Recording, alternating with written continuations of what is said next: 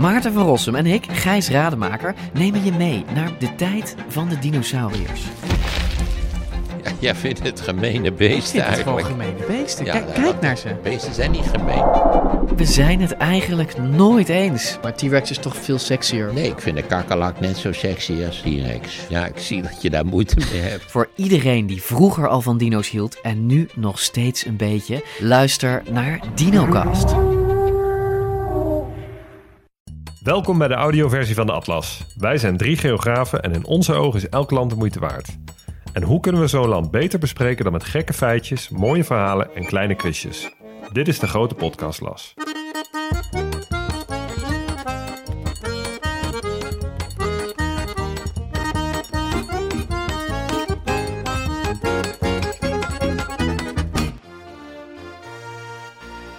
Nederland betekent laagland. Frankrijk betekent Rijk van de Franken.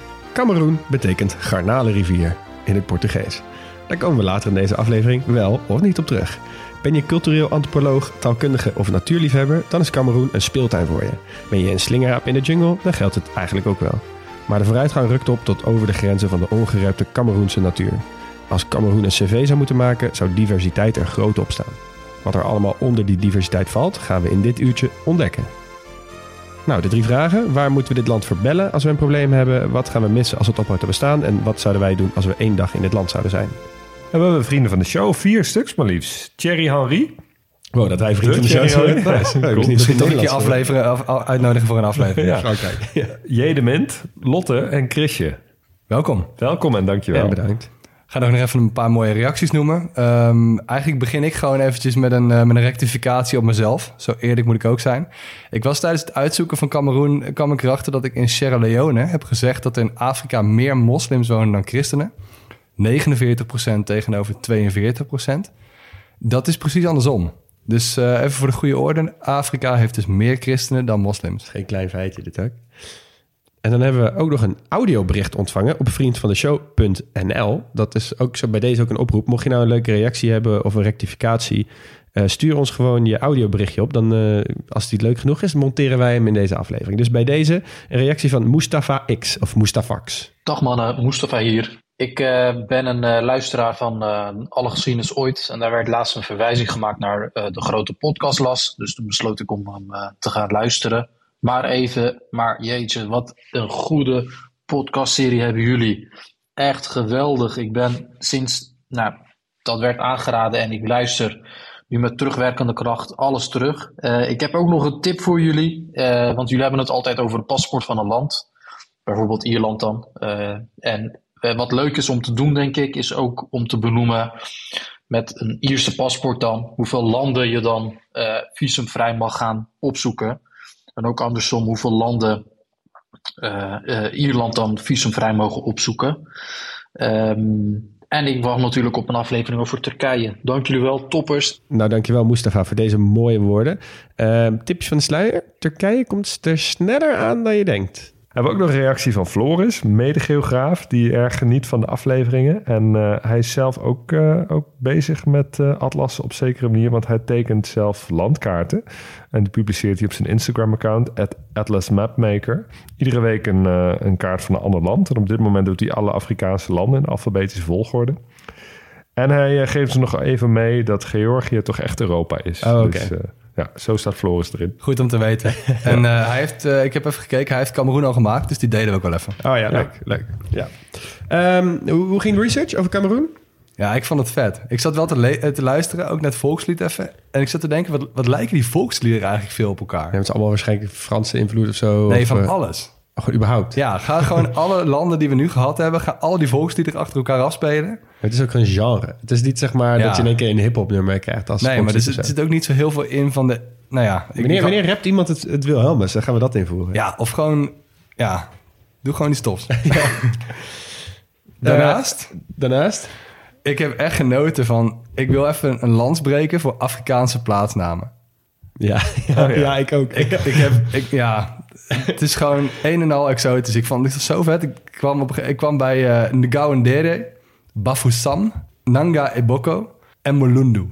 Ja. Ik, en ik wil graag voorstellen, ik wil graag een rubriekje aanvragen bij jullie. Oh god. Mag je in het paspoortje een paar leuke plaatsnamen noemen van elk land? Ja, voor mij wel. Als je dan ook meteen de grootste steden en zo meeneemt. Ja, is goed.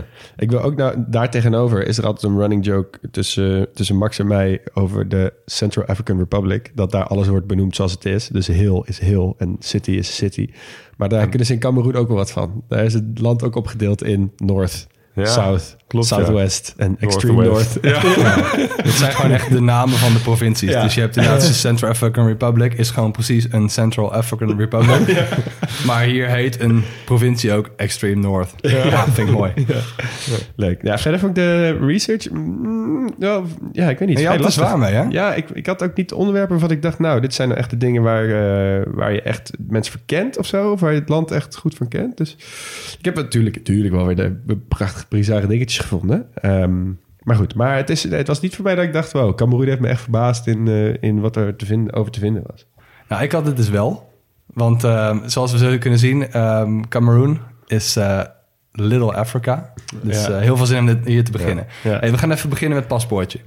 De ligging van Cameroen, als iets de oksel van Afrika is, dan is het Cameroen wel. Dus waar West-Afrika overgaat in Midden-Afrika, dat is precies waar Cameroen ligt. Ja, precies. Als je, als je hem nu uit je hoofd Afrika tekent... dan is het eigenlijk inderdaad gewoon letterlijk... waar die bijna een 90 graden hoek Exact, ja. Die 90 graden, dat is Cameroen. Ja, Grens met de klok mee aan Nigeria, Tjaad, de Centraal-Afrikaanse Republiek. yes. Ehm, Republiek Congo, dus eh, Brazzaville, Gabon en Equatoriaal Guinea. De oppervlakte is ruim 11 keer zo groot als Nederland, ietsje kleiner dan Turkmenistan. En als dat je niks zegt, doe maar gewoon een stukje groter dan Zweden. Precies, even weer voor de, voor de luisteraar. Kijk maar eens even hoe eh, fucked up Mercator is. Als je denkt hoe groot Zweden is en hoe Ja, klein Cameroen Ja, is. precies. Ja. Nou, aantal inwoners is best wel veel. 26,5 miljoen mensen. Ehm, hoofdstad is Yaoundé. Eh, dat ligt in het binnenland. En de grootste andere stad is Douala. Ook weer twee prachtige Ja, plaatsnamen, ja, als je het mij vraagt. Ja. En dat is meer het economische centrum. Dat ligt ook aan Ehm, de kust, hè? Ja, ligt aan de kust, dus een havenstad. Beetje En, Istanbul, ehm, Ankara idee.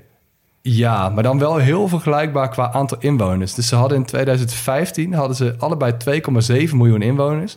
En hadden ze maar een verschil van 2800 mensen qua wie nou precies de grootste was. Echt, dat is helemaal niks. En inmiddels is Yaoundé wel echt dik over de 4 miljoen heen. Dus die zijn wel nu echt de grootste. Maar ik vond het Ja. wel grappig. Om, ze Ik zijn echt aan elkaar dat gewaagd. bij het tellen van het aantal inwoners van een Afrikaanse stad... een foutmarge van 2800 mensen ook vrij gebruikelijk is. Ja, Dus, inderdaad. Dus ze zijn precies even groot. Ja.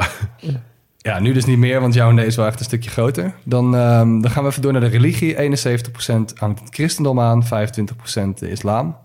Ehm, de taal, het heeft twee officiële talen. Het Frans en het Engels. ja, daar best gaan we wel nog wel verder op in. Ja. En ehm, heb ik een klein quizje. De ene andere is Mauritius. Maar er is nog een ander land dat alleen Frans en Engels als officiële taal heeft. Haiti? Nee. Denk groot. Canada! Ja, Oh, yo.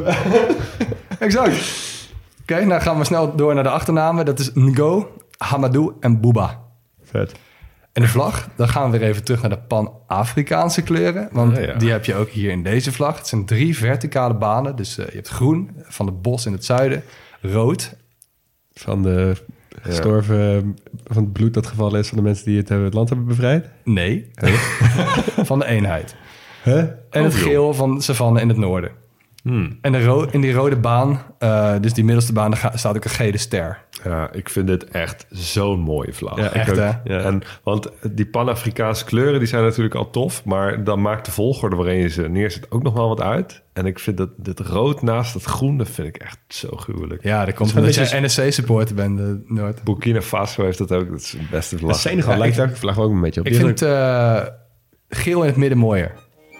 Maar dat is ook een eh, persoonlijke mening.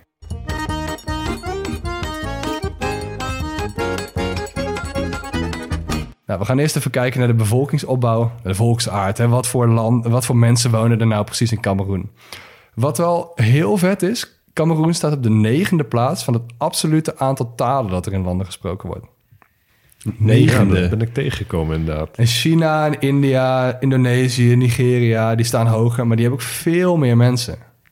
Ja. Dus Australië is ongeveer het enige land dat echt gewaagd is aan, eh aan, aan Cameroen. Die hebben heel veel Aboriginal talen natuurlijk.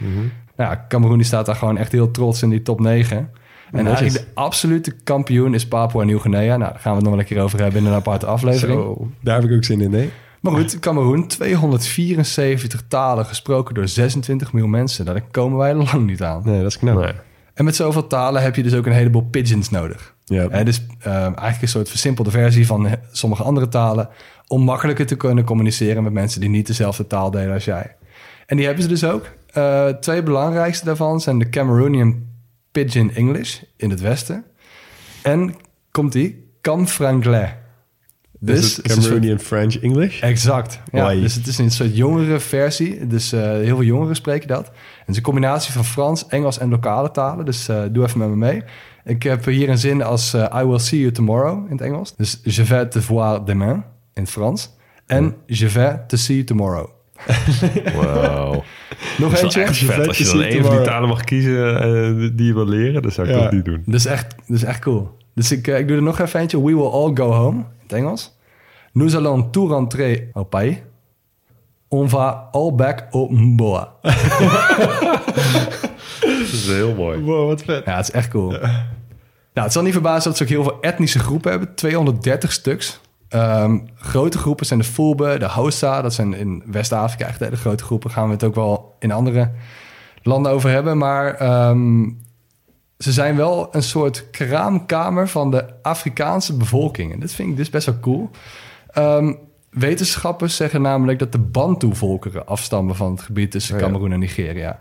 En als je de Afrikaanse geschiedenis en Afrikaanse geografie een beetje wil begrijpen, dan moet je wel weten wat de Bantu-volkeren zijn. En ehm, Die, die zijn we ook in Zimbabwe tegengekomen helemaal. exact, ja, dus zover komen ze. Een derde van het grondgebied van, eh, van Afrika wordt beheerst door de, door de Bantu-volkeren. En denk even wat, eh, wat de Bantu's zijn ehm, voor Afrika, zijn bijvoorbeeld Germaanse of Slavische volkeren in Europa. Dus, groepen, zeg maar, bevolkingsfamilies zijn het eigenlijk. Ja. Nou, zoals ik al zei, ze hebben een derde van heel Afrika hebben ze qua, eh, verspreidingsgebied. Ehm, ze zijn vanuit Cameroen, zijn ze vanuit een rechte lijn eigenlijk trekken een rechte lijn naar, naar de grens van Kenia en Somalië ongeveer. En bijna alles daaronder. Alleen een stuk Zuid-Afrika en Namibië valt er niet onder. En ze hadden eigenlijk al vrij snel door hoe ze ijzer, ijzer konden smeden en werktuigen konden maken. En eh, ze begonnen zich vanuit duizend ongeveer voor Christus te verspreiden. En ze hebben eigenlijk bijna de hele oerbevolking van Afrika overgenomen. Of in ieder geval van het, groep waarin, eh, van het gebied waarin ze leven. Maar het is zeker geen homogene groep. Want eh, je hebt wel echt 500 Bantu-talen ongeveer. Dus talen als Swahili en Zulu bijvoorbeeld, die we misschien wel kennen... dat Ja. zijn ook gewoon Bantu-talen. Ja.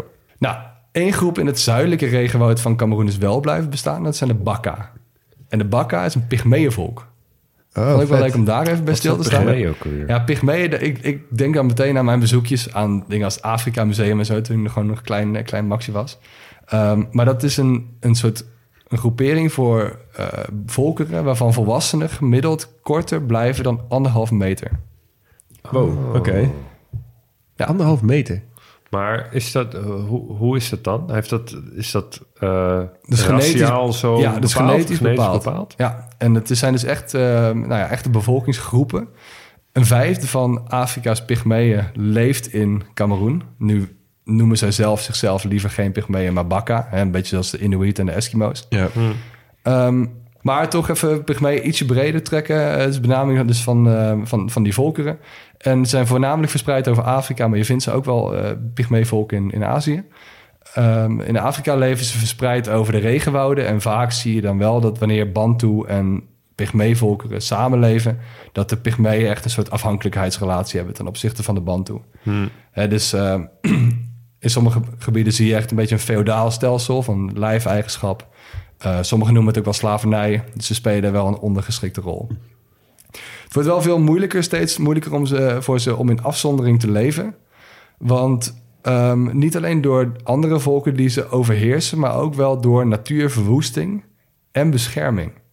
Dus aan de ene kant natuurverwoesting, je leefgebied wordt kleiner, hè, door ontbossing bijvoorbeeld. Ja. Aan de andere kant, op het moment dat mensen het regenwoud gaan beschermen en gebieden aan, aan gaan wijzen als nationaal park, dan worden zij juist hun, uh, best wel met harde hand soms die parken uitgejaagd. Ondanks dat ze daar al eeuwenlang wonen. Oh ja, omdat het dan in één keer uh, alleen voor de natuur is en niet voor de mensen. Precies. Dat is ook lullig. Dan zit je daar al eh, je hele leven lang... en dan word je er ineens uitgesodemieterd... omdat iets een nationaal park is. Ja, Ja, Terwijl zij hebben waarschijnlijk... zij zorgen beter voor de natuur... dan wie dan ook in die hele ja regio. precies. ja dat is een vrij ongelukkige zijn samenloop de van reden dat er nationale parken nodig zijn om Precies. natuur te Je zou een beschermen. beetje holistisch zijn visie op een nationaal park moeten toepassen eigenlijk in Ja. de regio. Nou, Ja. goed. Nou, dan nemen we even een stapje naar voren in de geschiedenis. Want eh, Max, je hebt het even gehad over de, eh, de oorspronkelijke volkeren in Cameroen... en hoe dat zo is gekomen. En ehm, ik ga het eigenlijk vooral met jullie hebben over de koloniale tijd. De ontdekking van Cameroen door het Westen. Dat is eigenlijk best wel gek altijd dat wij een, een, eh, een Afrikaanse land... eh, Vanaf het moment dat wij ze hebben leren Precies, kennen. dat Ja. we dan zeggen dat het, het land toen is ontdekt. Ja, heel erg vanuit ons perspectief gedacht. Je hebt 230 etnische groepen, maar we gaan, even, we gaan het even ontdekken. hebben het ontdekt. Eh, in, dit geval waren dat eh, de Portugezen. Ehm, ja, zoals heel vaak. En zoals heel vaak hebben ze ook het, eh, het land een naam gegeven. We komen er dus wel op terug, inderdaad. Uh, Garnalenrivier. Camaroes, het Portugese woord voor garnaal. Ehm, eh, er leefden grote garnalen in de rivier in Cameroen. Dat viel de Portugezen op. Ze dachten, hé, hey, dat is een goede naam voor dit stuk land. Ehm, maar zoals we ook wel, eh, wel zagen in eh, Sierra Leone, wat ze ook eh, ontdekt hebben en vernoemd hebben, zijn die Portugezen daar zich niet definitief gaan vestigen. Later zijn de Nederlanders er voorbij gekomen, maar ehm, de echte latere kolonisator, dat werd Duitsland. Oh, hè? Oké, Ja. dat is een, een, een, zeg je dat, combo breaker. Ja, Normaal is het precies. namelijk eh, Portugezen die komen langs, noemen, vernoemen het. De Nederlanders die beginnen aan handel en dan nemen de Britten En het dan over. komen de Britten of de Fransen. Maar eh, nee, eh Cameroen kennen we toch vooral oorspronkelijk als een Duitse kolonie. En ik vind het Duitse koloniale rijk vind ik wel zo'n fascinerend stukje van de geschiedenis eigenlijk. Want de Duitsers die waren er eh, best wel laat op het feestje van kolonisatie. Ja, maar ze waren ook pas in, in, in 1860 of zo een land, toch? Ja, in, in 1871 zijn ze inderdaad ook pas, pas een eenheid geworden. Ja. Dus dat, dat verklaart dat natuurlijk voor een groot deel. Ja. Frankrijk, eh, Engeland, Nederland, Spanje, Portugal waren al veel langer eh, soevereine staten met een, een, een grote marine bijvoorbeeld, die natuurlijk nodig is om veroveringen te doen. Ehm, de Duitse losse koninkrijkjes, die hebben dat ook wel een beetje geprobeerd, op, eh, tot op zekere hoogte. Maar ja, die maakten eigenlijk geen schijn van kans tegen die grotere Europese eh, Nee. machten. Hetzelfde geldt natuurlijk een beetje voor Italië. Hetzelfde tijdperk, Ja, hetzelfde... Klopt, die hebben ook onderling de boot behoorlijk komen, ja. gemist en zijn Letterlijk. dat achteraf proberen eh, te gaan inhalen. Nou, en Otto von Bismarck, de, Vader des vaderlands. ja, de vader des vaderlands van Duitsland, die eh, al die losse Duitslandjes bij elkaar heeft gebracht tot één land. Als het aan hem had gelegen, had, hadden die kolonies eigenlijk helemaal niet zo gehoeven. Ehm, hij was wel geïnteresseerd in het drijven van handel, maar territoriale expansie in andere werelddelen hoefde niet zo nodig. Hij was veel drukker met de Duitse kwestie in Europa. Dus bijvoorbeeld annexeren van, eh van Elzas-Lotharingen en zo. Ja. En het, het, het, ja, het deel. onderbrengen van de Duitsers in één, in één land. Ehm, maar over de grenzen hoefde het niet zo. Maar uiteindelijk eh, werd hij er wel, raakte hij er wel van overtuigd dat om je handel te beschermen het eigenlijk wel nodig is om ook militaire macht uit te oefenen in overzeese gebieden. Ehm, dus Duitsland ging een rol spelen in de Scramble for Africa, die periode eind 19e eeuw. Toen de Europese mogendheden achter de tekentafel eigenlijk eh, alle binnenlanden van Afrika verdeelden. Zonder ook maar enige kennis te hebben van, eh, van hoe etnische groepen eh, leven. met hele rechte lijnen dat land versnijden. Ja, de, de scramble van Af- voor de scramble for Africa is eigenlijk ook een beetje de hele reden waarom Afrika zoveel kaarsrechte grenslijnen Ja, heeft. en zoveel eh, problemen met niet-natiestaten. Hè? Ja, met, volkeren problemen. die verknipt zijn over verschillende landen... en volkeren die met z'n allen in één land terecht zijn gekomen. Uiteindelijk na de tijd van Bismarck, dus na 1890... eh, nam de expansiedrift van de Duitsers enorm toe. En ehm, eh, wat wel grappig is, in de meeste gevallen zie je dat eh, landen kolonies zoeken die een beetje bij elkaar liggen. Hè, bijvoorbeeld Spanje, heel Latijns-Amerika, is een beetje één geografisch geheel. Nou, Frans, eh, West-Afrika, et cetera. Maar die Duitse kolonies, die lagen eigenlijk verspreid over de hele wereld. Kun je nog een paar andere noemen? Ja, ik ken eigenlijk alleen Namibië. Je kent ook eigenlijk alleen Namibië. Ja, ze hadden Namibië, dus Du- Duits Zuidwest-Afrika werd dat genoemd. Maar ook eh, Tanzania, Burundi, Rwanda. Nou, dat ligt er nog redelijk bij elkaar. Maar helemaal in West-Afrika hadden ze Togo.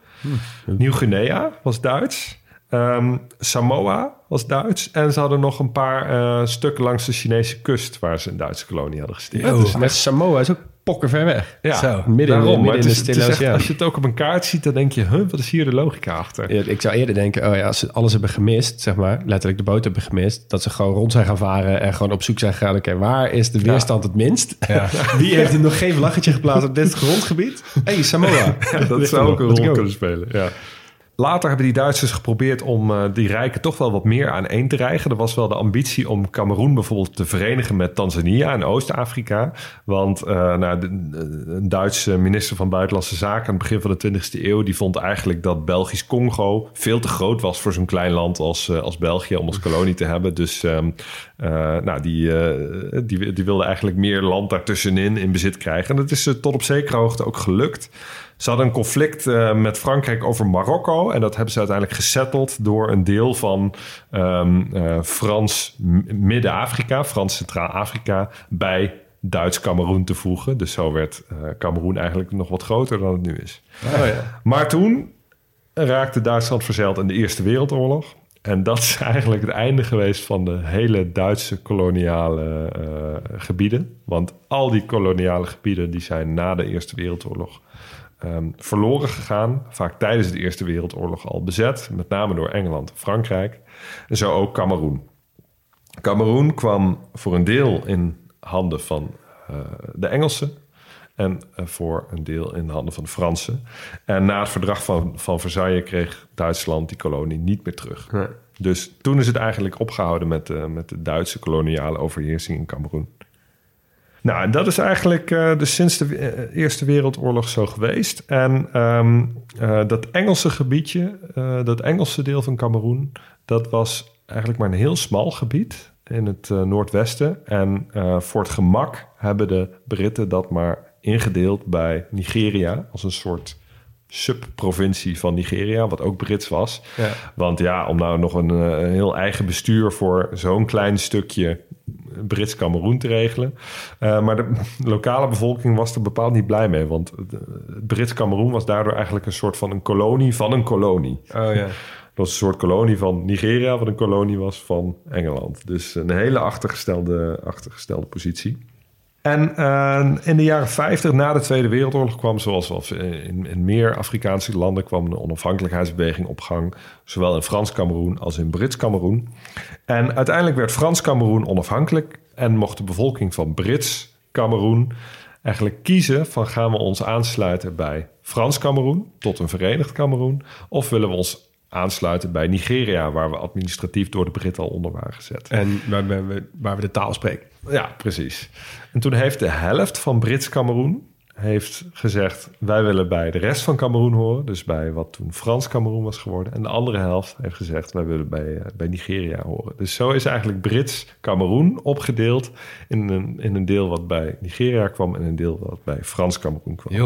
Maar de helft van het grondgebied heeft gezegd... wij willen bij de een horen en wij willen de- bij de ander? Ja, ja. Of de helft van de mensen en toen is de andere meer- helft benadeeld? Nee, ja, de meerderheid van de mensen in eh, ongeveer de helft van het grondgebied heeft gezegd: eh, wij willen bij Frans Cameroen. Ja. En de meerderheid En dat deel is aan de ene toegewezen en de- oh ja. Maar er zullen ongetwijfeld mensen in het ene deel eh, wonen die liever bij het andere deel hadden gehoord. Maar dat, is, dat is natuurlijk altijd zo. kan niet alles hebben. Nee. Ehm, nou, sindsdien is, eh, is de Federale Republiek Cameroen een feit. Dat was dus in het begin een federatie met een voormalig Brits deel en een voormalig Frans deel. Maar in 1972 is er een referendum gekomen om dat af te schaffen. En sindsdien is het een verenigde republiek. Dus werd het federale systeem eh, afgesloten. Werd het steeds meer een eenheid.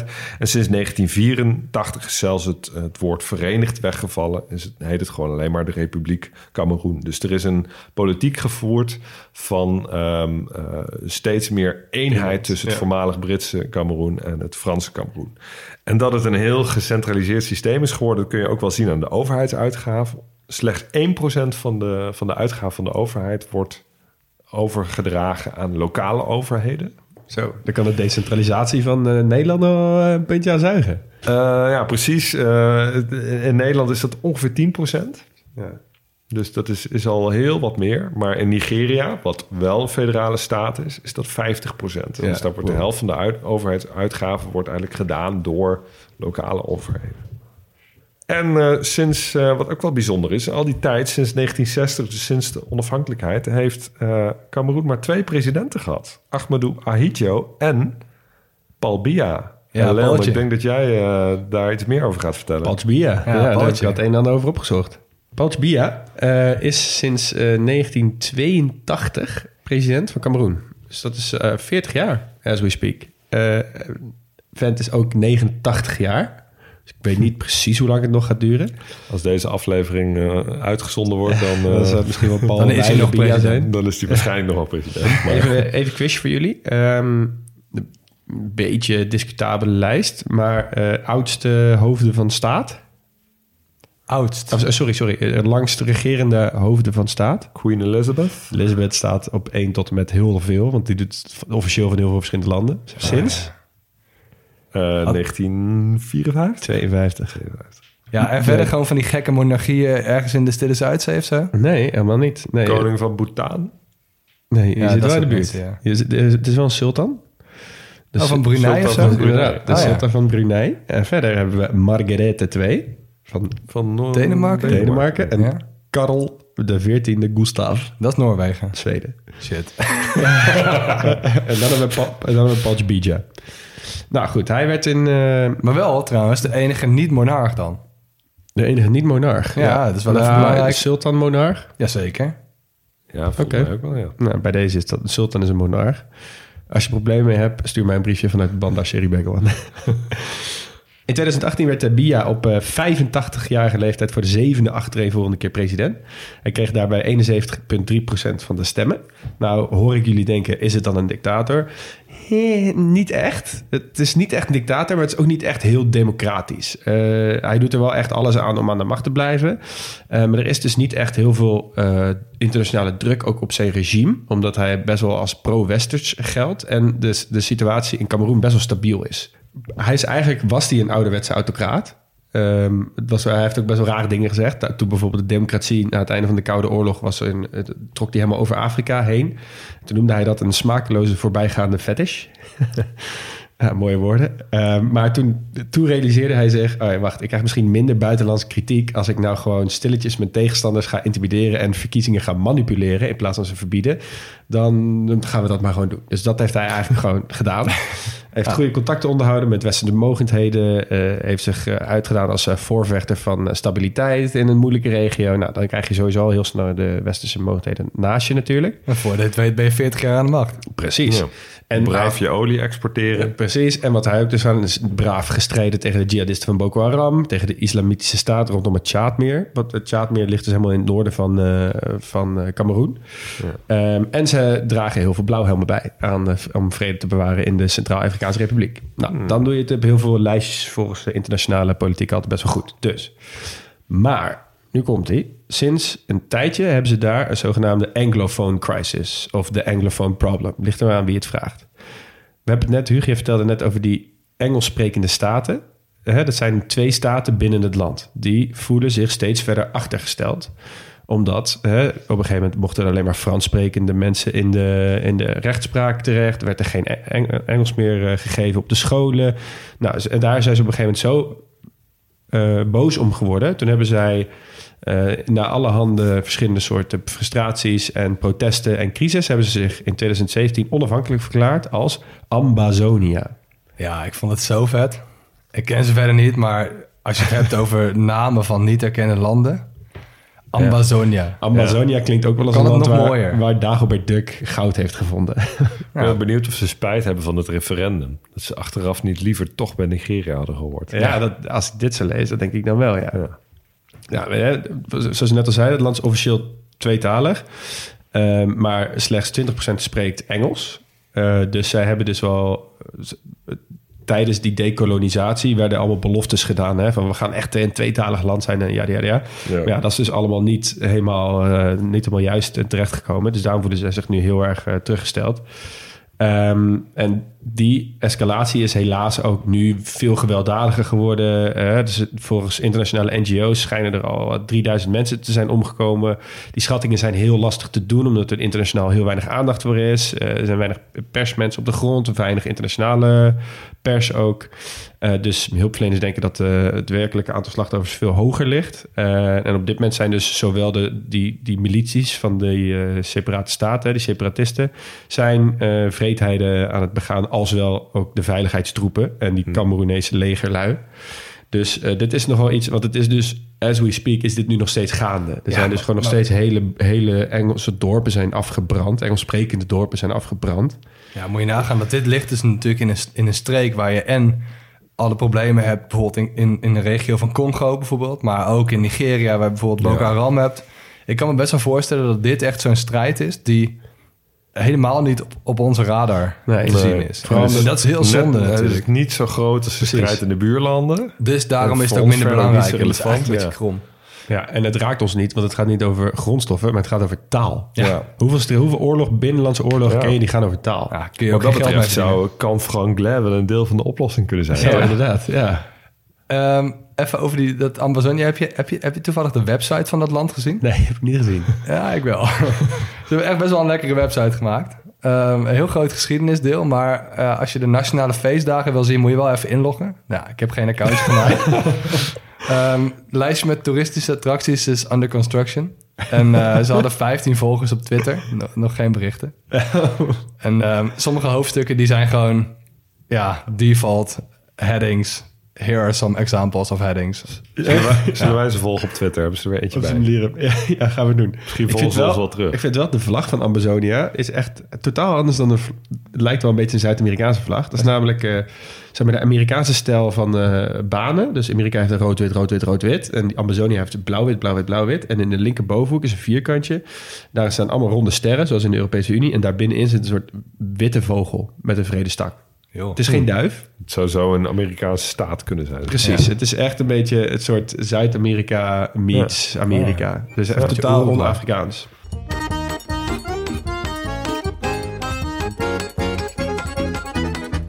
Hey, verder, er is een reden waarom Cameroen ook wel Little Africa wordt genoemd. Oh. Omdat, en dat is niet alleen vanwege de verschillende talen en de volkeren, maar ook qua diversiteit van de fysische geografie. Dit is wel echt vet. Want eigenlijk bijna alle denkbare Afrikaanse soorten natuur, die vind je in Cameroen. Er zijn, er zijn best wel aardig wat grote Afrikaanse landen, maar er zijn wel heel weinig die en regenwoud hebben en die ook in de Sahel liggen. Oh ja. Dus als je de satellietkaart kijkt van, van, van Cameroen, dan begin je in het zuiden heel donkergroen met echt ondoordringbaar regenwoud. Ehm savanne in het midden van het land en het eindigt heel lichtbruin aan de, aan de woestijnoevers van Lake Chad. Ja, Ja. Of wat er nog van over is. ja. Het droogt heel erg op, dat meer. Gaan we het in Chad wel over hebben. Ehm, die oevers, die heb je ook aan de Atlantische kust. Maar daar heb je dan weer echt prachtige stranden. Dus dat, Ja. dat, is, dat is wel echt mega divers. En verder in het westen heb je heel, best wel flinke bergen. Mount Cameroon, hoogste berg, is 4100 me- meter hoog. Dat is echt hoog. Ja, dat is ook de, de enige actieve vulkaan hè, in het gebied. Zeker, ja. Het is, het is een, eh, een best wel een groot vulkanisch gebied... met een lange rij van vulkanische toppen... maar ook wel eilanden die echt doorgaat tot aan Sao Tome en Principe. Dus wat net een eiland staat die net voor de, voor de kust ligt. En dat zijn grote... Nou ja, dat is echt best wel een grote rij met vulkanische eh, toppen eigenlijk... waarvan dus een deel in het water ligt en een deel in Cameroen. Vrij mooi. Heel mooi. Ja. Ja, ja ik, ik las iets over ehm, eh, wat die vulkanen ook wel teweeg brengen. Eh, natuurlijk vulkaanuitbarstingen. Die Mount Cameroon is best wel actief. Maar ook iets wat ik nog niet kende, namelijk limnische uitbarstingen. Hebben jullie er ooit van gehoord? Luister, als jij ergens mee komt wat fysisch geografisch is... waar jij nog nooit van gehoord hebt... dan kan je ervan uitgaan dat ik het sowieso niet weet. Ja, nou, wat, wat, wat je hebt bij in vulkanisch actieve gebieden, er komt natuurlijk lava uit de grond, maar er komen ook vaak gassen uit de grond. Eh, bijvoorbeeld eh, CO2. Ja. En ehm, wat er kan gebeuren is dat er bijvoorbeeld gas uit de grond komt eh, aan, in de bodem van een meer. En dan lost het gas als het ware op in het water. En eh, door de druk van het water in dat meer blijft dat, dat, die hoge concentratie gas blijven onder in dat meer zitten. Ja. Maar op het moment dat er iets gebeurt, dus er is bijvoorbeeld een aardbeving of een, uh, een, een uh, aardverschuiving of iets dergelijks, waardoor die watermassa in beweging komt, Ja. dan kan daar een soort gasuitbarsting plaatsvinden. Dan kan dat gas uit die dat- diepere lagen ja. in het meer naar boven komen, waar het ineens kan ontsnappen. Het is een beetje te vergelijken met als jij een flesje cola hebt, waar ook koolzuurgas in zit, en je laat dat op de grond vallen, dan gebeurt eigenlijk hetzelfde. Dan eh, verstoor je eigenlijk het, eh, het, het, het water en ehm, het, het gas wat daarin zit, komt dan ineens omhoog en barst uit en je flesje cola zal overstromen. Oh ja, ja, oh ja. En dat kan ook gebeuren met vulkanisch gas uit het meer. En dat is ook een paar keer gebeurd. En dat is super gevaarlijk. Want dat is een onzichtbare vijand. Ja, want je Eh, ziet het niet. Je Nee. ziet het niet, je ruikt het niet. Maar het heeft in 1986 wel 1800 mensen het leven gekost. Zo'n limnische uitbarsting. Waarin dus vanuit eh, een meer zoveel gas kwam... dat in een straal van 25 kilometer heel veel mensen zijn overleden. Zijn die En, gewoon eh, gestikt of zo? Hoe werkt dat? ja, die zijn gewoon gestikt. Ja. Wow, zo. Sick, dat zie je echt niet. En dan valt iedereen om je heen in één keer gewoon neer. ja, Wow, dat is bizar. Ja, dit is een aantal keer gebeurd in Cameroen. En tegenwoordig hebben ze ook een eh, installatie aangelegd met eh, pijpleidingen om dit soort gasophoping in de bodem van, eh, van dit soort vulkanische meren te voorkomen. Oh, het om, om Dus- op te vangen of het weg te leiden of zo. ja, precies dat Oh, het gewoon oké. continu eigenlijk weg, weg kan, dat het zich niet kan opbouwen. Ja, ja. Tot het, tot er dat, totdat er in één keer enorm veel vrijkomt en er een gigantische ramp ontstaat. Ze, ze moeten wel een soort van. Ik Ja. bedoel, ja. Nou, wat je nog meer hebt in die regio, eh, behalve gasophopingen, is ook vet veel regen. Want je hebt een mega hoge berg, hè, die, eh, die Mount Cameroon, sowieso een, een bergachtig gebied. En kust. Nou, dan is het niet zo heel gek dat je daar ook meteen heel veel regen krijgt. Ehm, die, de, die regio staat ook in de top 5 van de wereld van meeste regenvallen. De Buncha heet dat gebied. 12 keer zoveel regen gemiddeld als Nederland. Dat is echt In de top 5, Vet ja? veel. Sick. En nou ja, daarom zal het ook niet verbazen met al deze eh, diversiteit aan, aan landschappen, dat het ook echt een biodiversiteitshotspot is. Dus de grens met Nigeria is een van de meest biodiverse gebieden van Afrika. Nou ja, we hadden het net over Amazonia. Dat, dat ligt daar. Hè? Dus dat is ook echt een, een heel belangrijk gebied voor de biodiversiteit. Er zijn 14 endemische zoogdieren. Daar had ik hele hoge verwachtingen van. Ik dacht, zit ook een keer op zo'n pagina. Maar dat waren eigenlijk alleen maar muizen en ratten. Dus daar ben ik redelijk snel weer van afgegaan. Geen gifkikkers? Eh, nee, maar wel Ja, een dat hele zoogdieren, hè? Nee, precies. sorry, sorry. Dat zijn amfibieën. Ja. Maar eh, wel gewoon, ze hebben wel echt leeuwen en hyena's en olifanten... en eigenlijk alles wat je verder ook nog eh, in een regiowoud vindt. En ze hebben dus ook bosolifanten. Oh ja. Best wel cool. Die zijn toch eh, heel klein? Zeg maar kleiner dan wij gewend zijn. Ja, ze zijn kleiner. Ja, dan, ze zijn eh, wel kleiner, maar ze zijn alsnog... Je wil er niet onder liggen, hoor. Nee. Hey, maar over Ehm, kikkers gesproken. Ja, ze hebben wel groot, hè? Ze hebben de, de grootste kikker ter wereld leeft in Cameroen. Echt? Ja, Oh, vet. Hoe heet die? Eh, Een grootbekkikker? de Goliath-kikker. Kijk, dat is een goede naam. Dat is een goede naam. Wel een voor een bedreigd diersoort. En ik heb dus gelezen, de- hij kan eh, lengtes bereiken tot 30 centimeter. dat is echt veel. Dat is net zo Ja. lang als een lineaal. Ik wilde net zeggen. Precies. Ik wilde het serieus net zeggen. Dat is net zo lang als een lineaal. Ja, maar dat is het. Mijn hoofd heeft gewoon geïmplementeerd dat 30 centimeter is, is een gewoon lineaal. lineaal. Ja, ja. En dus een Goliath kikker. Dat is heel vet. Hey, wat ze ook hebben is de meest zeldzame grote aap ter wereld. De gorilla? Dat doe ik even niet Leon Boelens, maar de Cross River gorilla. er zijn er nog maar 300 van over. Waarvan 50 jongen. Dus wel echt nou, kritieke, eh, nou kritieke si- situatie. Eh, en ze hebben verder ook nog het wildreservaat Ja, DJA. Eh het is groter dan, alle, dan elke Nederlandse provincie. 90% ongerept regenwoud. Dus eh, laten we daar even goed op passen. Zo. En daar wonen dus ook die, die bosolifanten en luipaarden en, en, en dat soort gebieden. Maar dat zijn dus ook wel van die reservaten. Je hebt nog wel een paar andere waar dus die bakka wonen. Oh, dus ja. die, die Oh, ja. Dus om het verhaaltje weer een beetje rond te maken. Ja, oké. Ja, Max, nee, je, je, zeg maar, ik had veel gras. Je hebt het allemaal weggemaaid. Nee, het is, eh, het is inderdaad, qua toerisme is het eh, ook heel erg dit. Hè, die gorilla's, je kan op gorilla safari gaan. Ehm, komen we denk ik in, andere landen, waaronder- Congo, zullen we daar uitgebreid op terugkomen. Eh, veel mensen gaan naar Mount Cameroon, omdat het toch ook best wel groot is en spannend om een levende vulkaan te beklimmen. Dus dat is heel interessant. Nou, die kust is prachtig, dus daar gaan mensen heen. Regenwoud gaan ze heen. Eigenlijk wat, eh, wat Cameroen zelf doet, is zij eh, adverteren heel erg met hè, dat slogan wat we zeiden: dit is een soort klein Afrika. dat is, dat ze hebben dat omarmd. Het is van hun. Vanaf, vanaf nu is het gewoon...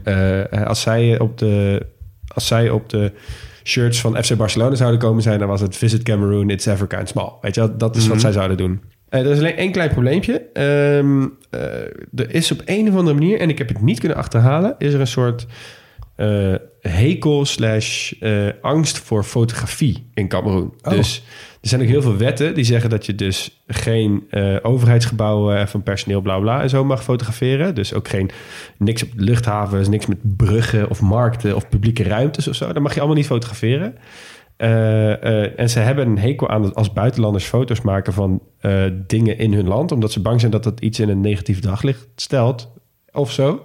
Maar ik heb dus niet zo goed ontdekt verder waar dat vandaan komt. Nu je het zegt, nu ik dit weet... Ik heb tijdens het onderzoek viel me op dat, dat bijzonder weinig tekst geïllustreerd was. Of in Ah, ieder ja. geval niet geïllustreerd met afbeeldingen waarvan ik denk... ja, dit, is echt, dit illustreert echt wat de tekst beschrijft. Ja, Ik weet in ieder geval wel dat die, eh, die River Cross Gorilla, die hele zeldzame, dat die ook echt in 2009 pas voor de eerste keer professionele camera's vast- vastgelegd. Ja Dus misschien heeft het hier ook iets mee te maken. Ja, maar ik weet, ja, maar ik weet dus wel, zeg maar, in, in de natuur zou het waarschijnlijk wel meevallen, want hè, ja, dan ben je gewoon Ja. beest aan het fotograferen. Dat is positief voor een land.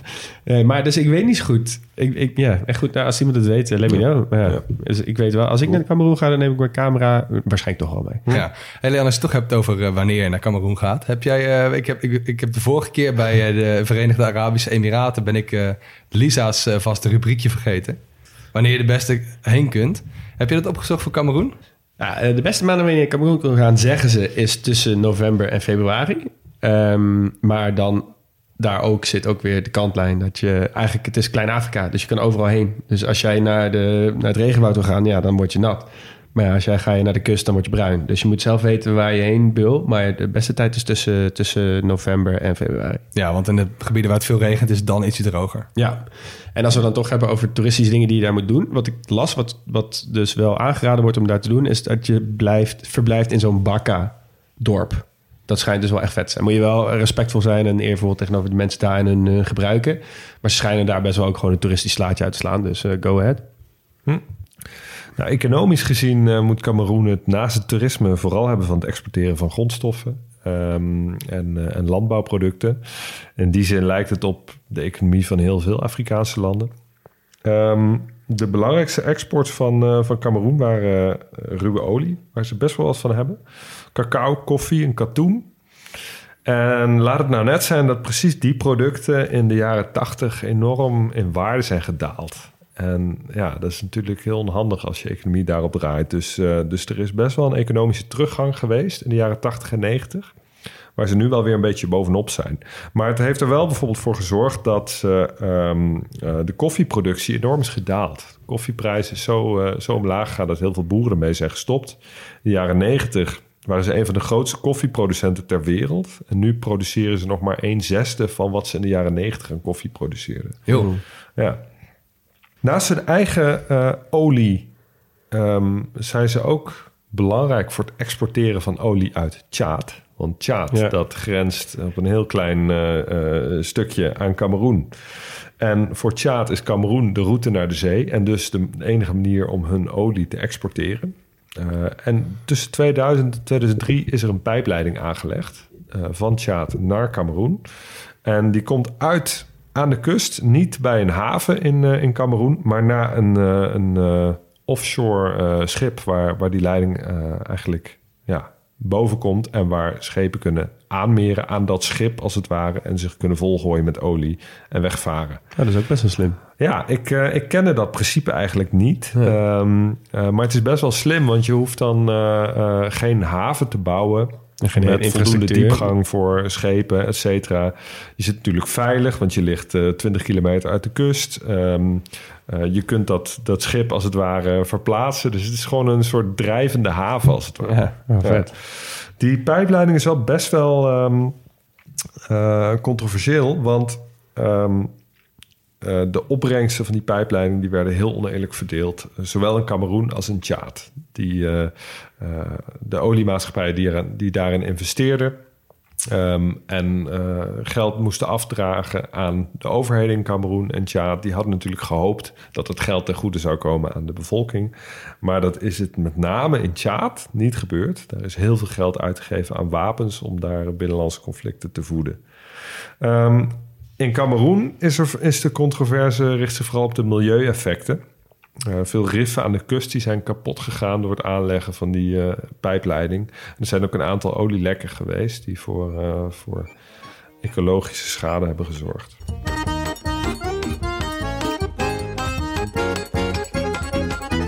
Hey, kunst.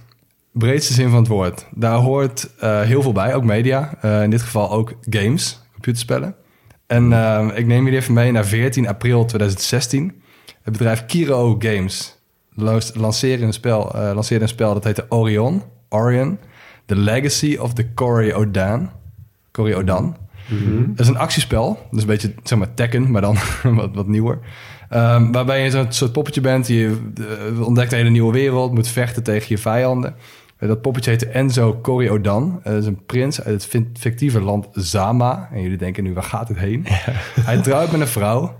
Hij wordt dus zijn zwager afgezet. Je moet andere landen, landen bezoeken om een leger bij elkaar te krijgen om dat land te heroveren. Punt is dat Kiro komt uit Cameroen en was de eerste videogameontwikkelaar uit Centraal-Afrika. Vet. Iedereen in zijn team was autodidact en heel veel culturele invloeden uit Afrika zijn dus in die game gestopt. En dat hele idee gaat over een soort Afrika dat nooit gekoloniseerd is. En die Enzo, die hoofdpersoon, die heeft ook een soort van Maasai-achtig pakje aan en zijn in zijn reis langs al die landen kom je dus langs allemaal invloeden van de Tuareg bijvoorbeeld, van de Yoruba, de, de, de Fula, al grote bevolkingsgroepen in Ja, Afrika. ja. Oh, wat vet. Ja, en andere bevolkingsgroepen. En, Klinkt eh, ook best wel educatief. ja, nou ja, ja het, is, het, is, het, is, het is geen educatief spel, maar het heeft wel heel veel Afrikaanse invloeden. Nou, wat ik best wel cool vond. Ehm, en de maker, Olivier Madiba, hij wilde eigenlijk een soort patroon doorbreken. Want Cameroense jongeren, die waren eigenlijk wel klaar met al die soort van God of War-achtige spellen... die dan nou ja, geïnspireerd worden door de Griekse mythologie. En eh, als, als er al iets in Afrikaans in zat in Amerikaanse spellen... dan was het altijd een westenspel met een Afrikaanse blik... Ja, zo'n Orient blik. Zo van, oh ja, Exact. donker Afrika met veel maskers en... dat Precies, en, hij Ja. probeert dus langzamerhaan, probeert hij die exotic wall, hè, die, die exotische muur, probeert hij zo lang, langzaam mogelijk af te breken.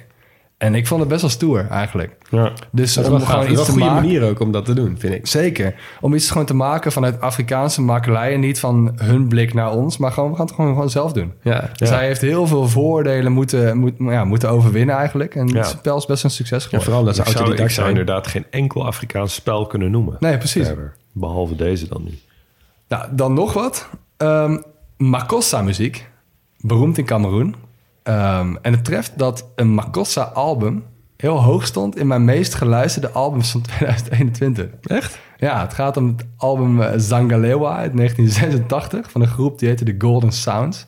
En ik ga je even meenemen in dat album. Op obscuur lijstje luister jij normaal Ja, maar minder obscuur dan je denkt. Eh, maar ik kwam daar pas later achter trouwens. Het meest bekende album van dat album Zangalewa is ook het nummer Zangalewa. En uiteindelijk werd dat beroemd. Dat, dat, nou ja, dat nummer werd zo beroemd dat zij hun eigen band ook maar Zangalewa hebben genoemd. Ehm, Oké, dus, de, dus, dus de, de single heet zo, het album heet zo en de band heet band zo. uiteindelijk ook, ja. Ehm, die, al, die band die heette de Golden Sounds dus aan het begin. En er waren soldaten van de presidentiële garde van Paul Biya. Net na de verkiezing. Ehm, en ze begonnen een band en ze verkleden zichzelf met, met soldatenuniformen, met make-up, met dikke buiken en, en nepkonten. En ze zongen in een soort mix van soldaten, slang en Frans en lokale talen. En dat Zangalewa werd dus één ge- echt een mega grote hit. En hier begint het deel waar jullie zelf ook nog wel iets mee kunnen. De DJ's brachten dat nummer naar Colombia. In Colombia werd het heel bekend in steden als Cartagena en Barranquilla. Ja, Barranquilla, homestad van Homestad van Shakira. Shakira. En Shakira heeft dat nummer gebruikt als openingstune van WK 2010 Ja, als. Waka Waka. Ah, oké. Oh, echt? Hoe heet dat Ja, nou ook weer? Zangalewa. Mina mina, waka waka, zamina mina sangalewa, anawam. Zamina mina,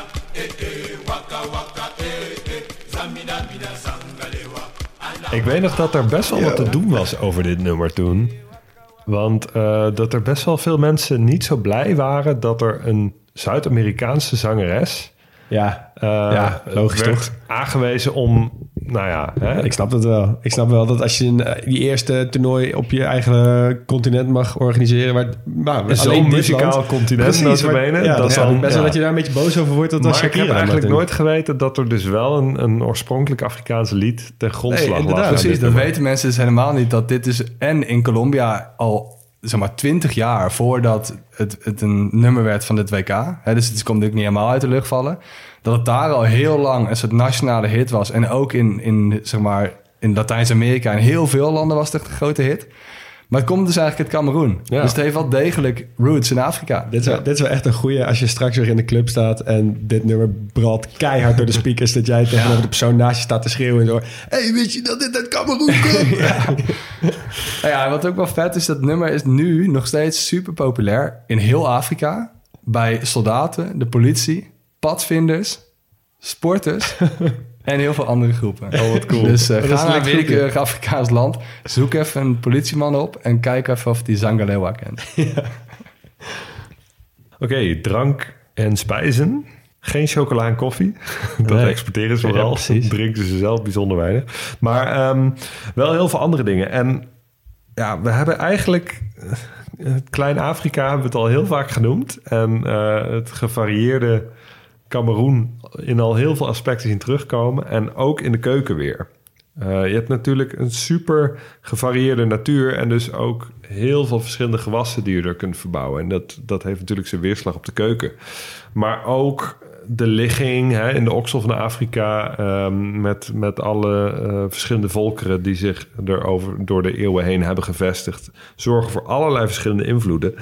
En de keuken is eigenlijk een, een samenraapsel van allerlei verschillende keukens van heel Afrika en, en daarbuiten. Eh, je vindt er bijvoorbeeld veel curry's, veel soep, veel visgerechten, maar ook vleesgerechten. Eh, die garnalen natuurlijk eh, zeggen, van die de garnalen, Portugezen. die, die komen veel terug in de, in de keuze. Maar ook bijvoorbeeld kebabs, ehm, vlees op stokjes geregen. Veel bakbananen, fufu, natuurlijk ook veel in West-Afrika voorkomt. En eten is echt, eh, echt een belangrijk onderdeel van de samenleving. Grote streetfoodcultuur. Ehm het is daardoor ook heel lastig om er één gerecht uit te pikken. Van dit is nou typisch Cameroens. Want dan doe je de keuken echt tekort. Ja. Eh, er zijn zoveel verschillende eh, gerechten. Ehm, ik werd er wel warm van eigenlijk. Ja? Ehm, ja. Eh, ik, ik zag heel veel dingen waarvan ik dacht... oh, dat moet ik toch eens proberen. En als ik er dan toch eentje mag uitkiezen... dan neem ik de achu soep. En dat is, een, eh, dat is wel bijzonder. Dat is een, een gele soep, meestal van kippenbouillon...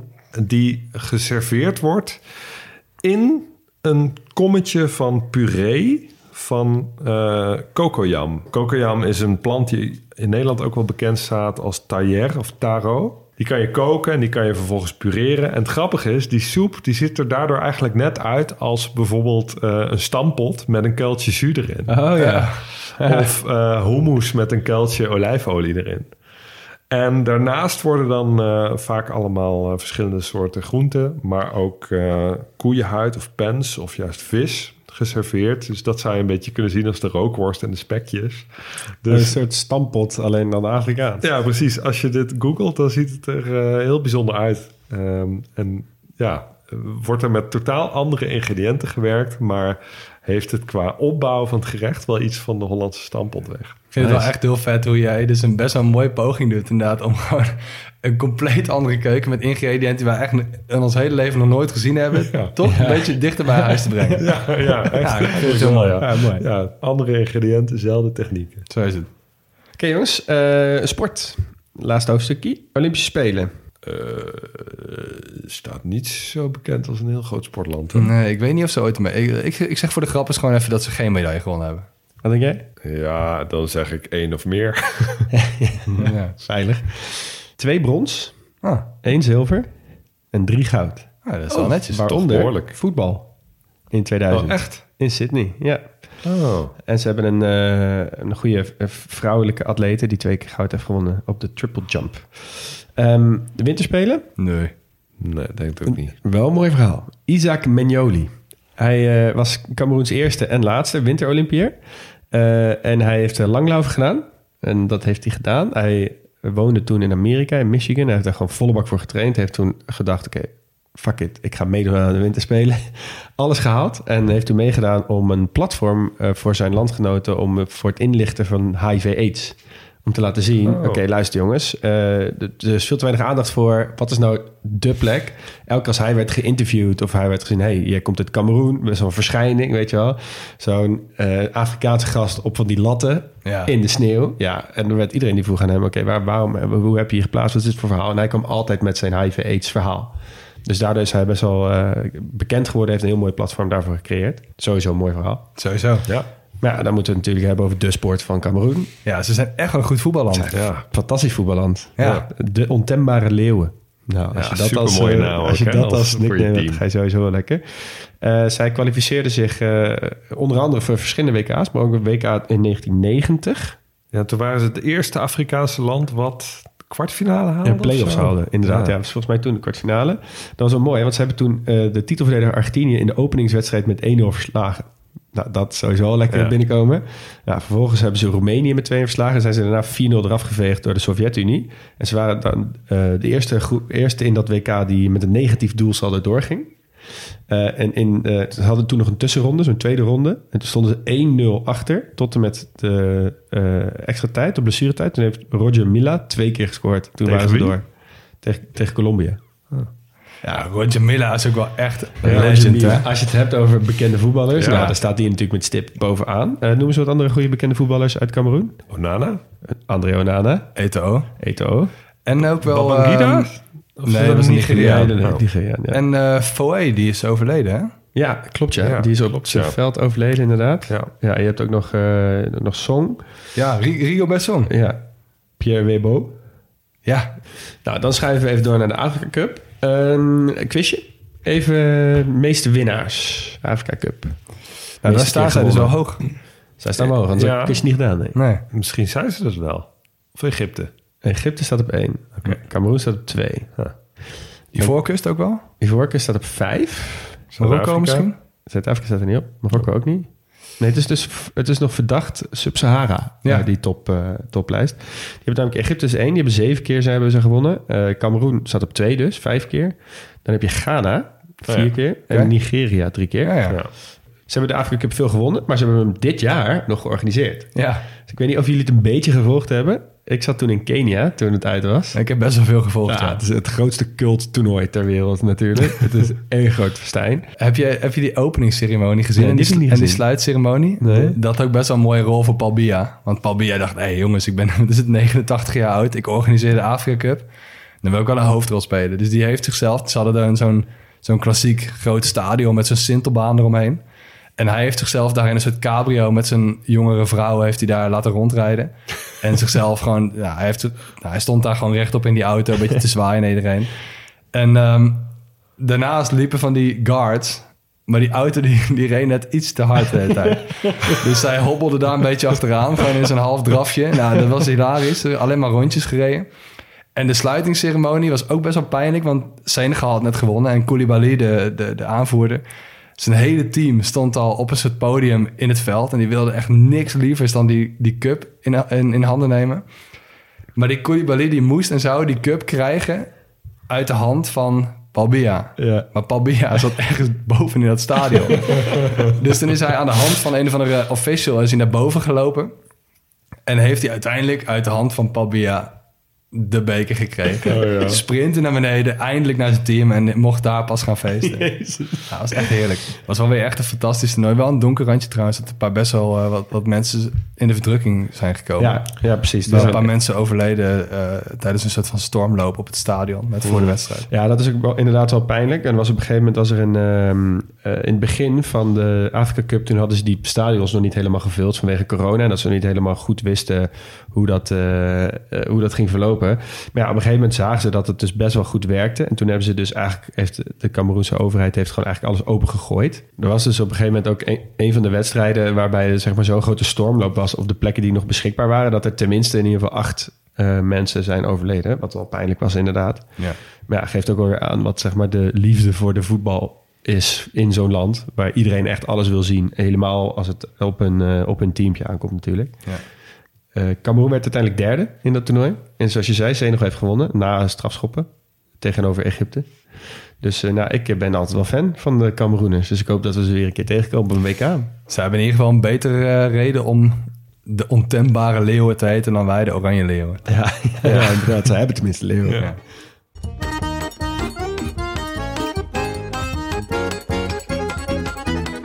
Oké jongens, Ehm, als wij een probleem hebben, waar gaan wij Cameroen dan voor bellen? Nou, ze hebben in Cameroen zoveel bevolkingsgroepen en zoveel talen. Qua diversiteit doen zij het wel. Nou ja, die mensen leven toch min of meer echt wel vredig met elkaar samen. Dus eh, als wij daar ooit een probleem mee hebben, dan kunnen we zeker Cameroen bellen. Ja, dat is precies wat ik wilde zeggen. Namelijk, hoe, hoe voed je een heel land twee of drie of viertalig op? Als je zoveel mensen hebt die zoveel talen spreken, bijna iedereen die spreekt minstens twee, drie talen. Ja, en in totaal 274. Ja, gewoon pidgin, Nederfries. Eh, ja, we kunnen ze ook wel bellen als wij een beetje uitgekeken zijn op onze stampotten. En eh, een exotische variant willen. Ja, dat is een hele goeie. Exotische standpunt, ja. Oké, en wat gaan we missen als Cameroen nu ophoudt te bestaan? Ja, toch wel de oksel van Afrika. Ja, precies. En, en de- gewoon Little Africa. Er is zoveel om te missen. Ja, ja en eh, ik ga de ontembare leeuwen sowieso ook missen. Absoluut. Ja. Ja, en, en die eh, dikke kikkers. die, die, die bedoelt Goliath-kikkers. Die Goliath-kikkers. Ja. Ja. die wil ik nu wel echt een keer zien. Dus ik heb een nieuwe bucketlist-lijst of bucketlist-puntje. Oké, als we één dag in Cameroen zijn, wat gaan we dan doen? Ja, ik ga denk ik op expeditie. Eh, beginnend in het regenwoud. En dan ga ik die Mount Cameroon beklimmen. Spannend. Ik vind het altijd heel vet om te beginnen ergens in een dik regenwoud. En hoe hoger je komt, dat je het landschap ziet veranderen. En dat je uiteindelijk uit kunt kijken op alle grote bladerdekken die je kunt zien. In de een- wijde omgeving. En dat lijkt me heel vet. vulkaan. Ja, Een tuurlijk. vlekkendag doorstappen. Ja, Ja. nou ja, goed. Vor, vorige keer in de Emiraten was geen beperking van geld. ja, nu is niet van energie of zo. Ik ga gewoon die eh, Mount Cameroon beklimmen. Wat ga jij doen? Ja, super lastig. Want eh, een land dat bekend staat om zijn diversiteit... is heel lastig om... Hè, dan wil je door dat land reizen. Maar dan heb je natuurlijk... Hè, om, om die overgang tussen verschillende regio's te zien. Maar daar heb je natuurlijk een aantal dagen voor nodig. Nou, Max zei net Dus- dat hij die rijkdom uit de Emiraten heeft meegenomen. Dus huur gewoon een helikopter.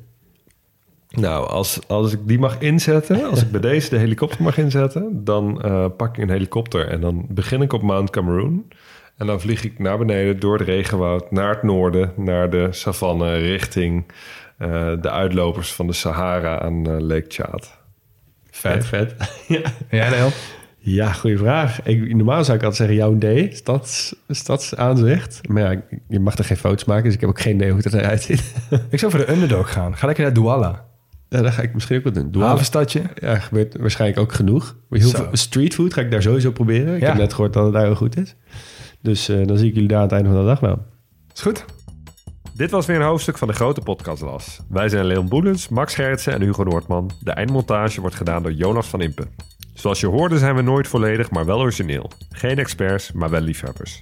Hebben we iets verkeerd gezegd of zijn we iets cruciaals vergeten? Volg ons en laat het weten via Twitter of Instagram op @grotepodcastlas. Je kunt ons enorm helpen door je vrienden, familie en collega's te vertellen over onze podcast of door vriend van de show te worden. Daarmee steun je ons met een klein bedrag en kunnen wij weer mooie nieuwe afleveringen maken. Volgende keer reizen we naar Slovenië. Bye bye. Au revoir.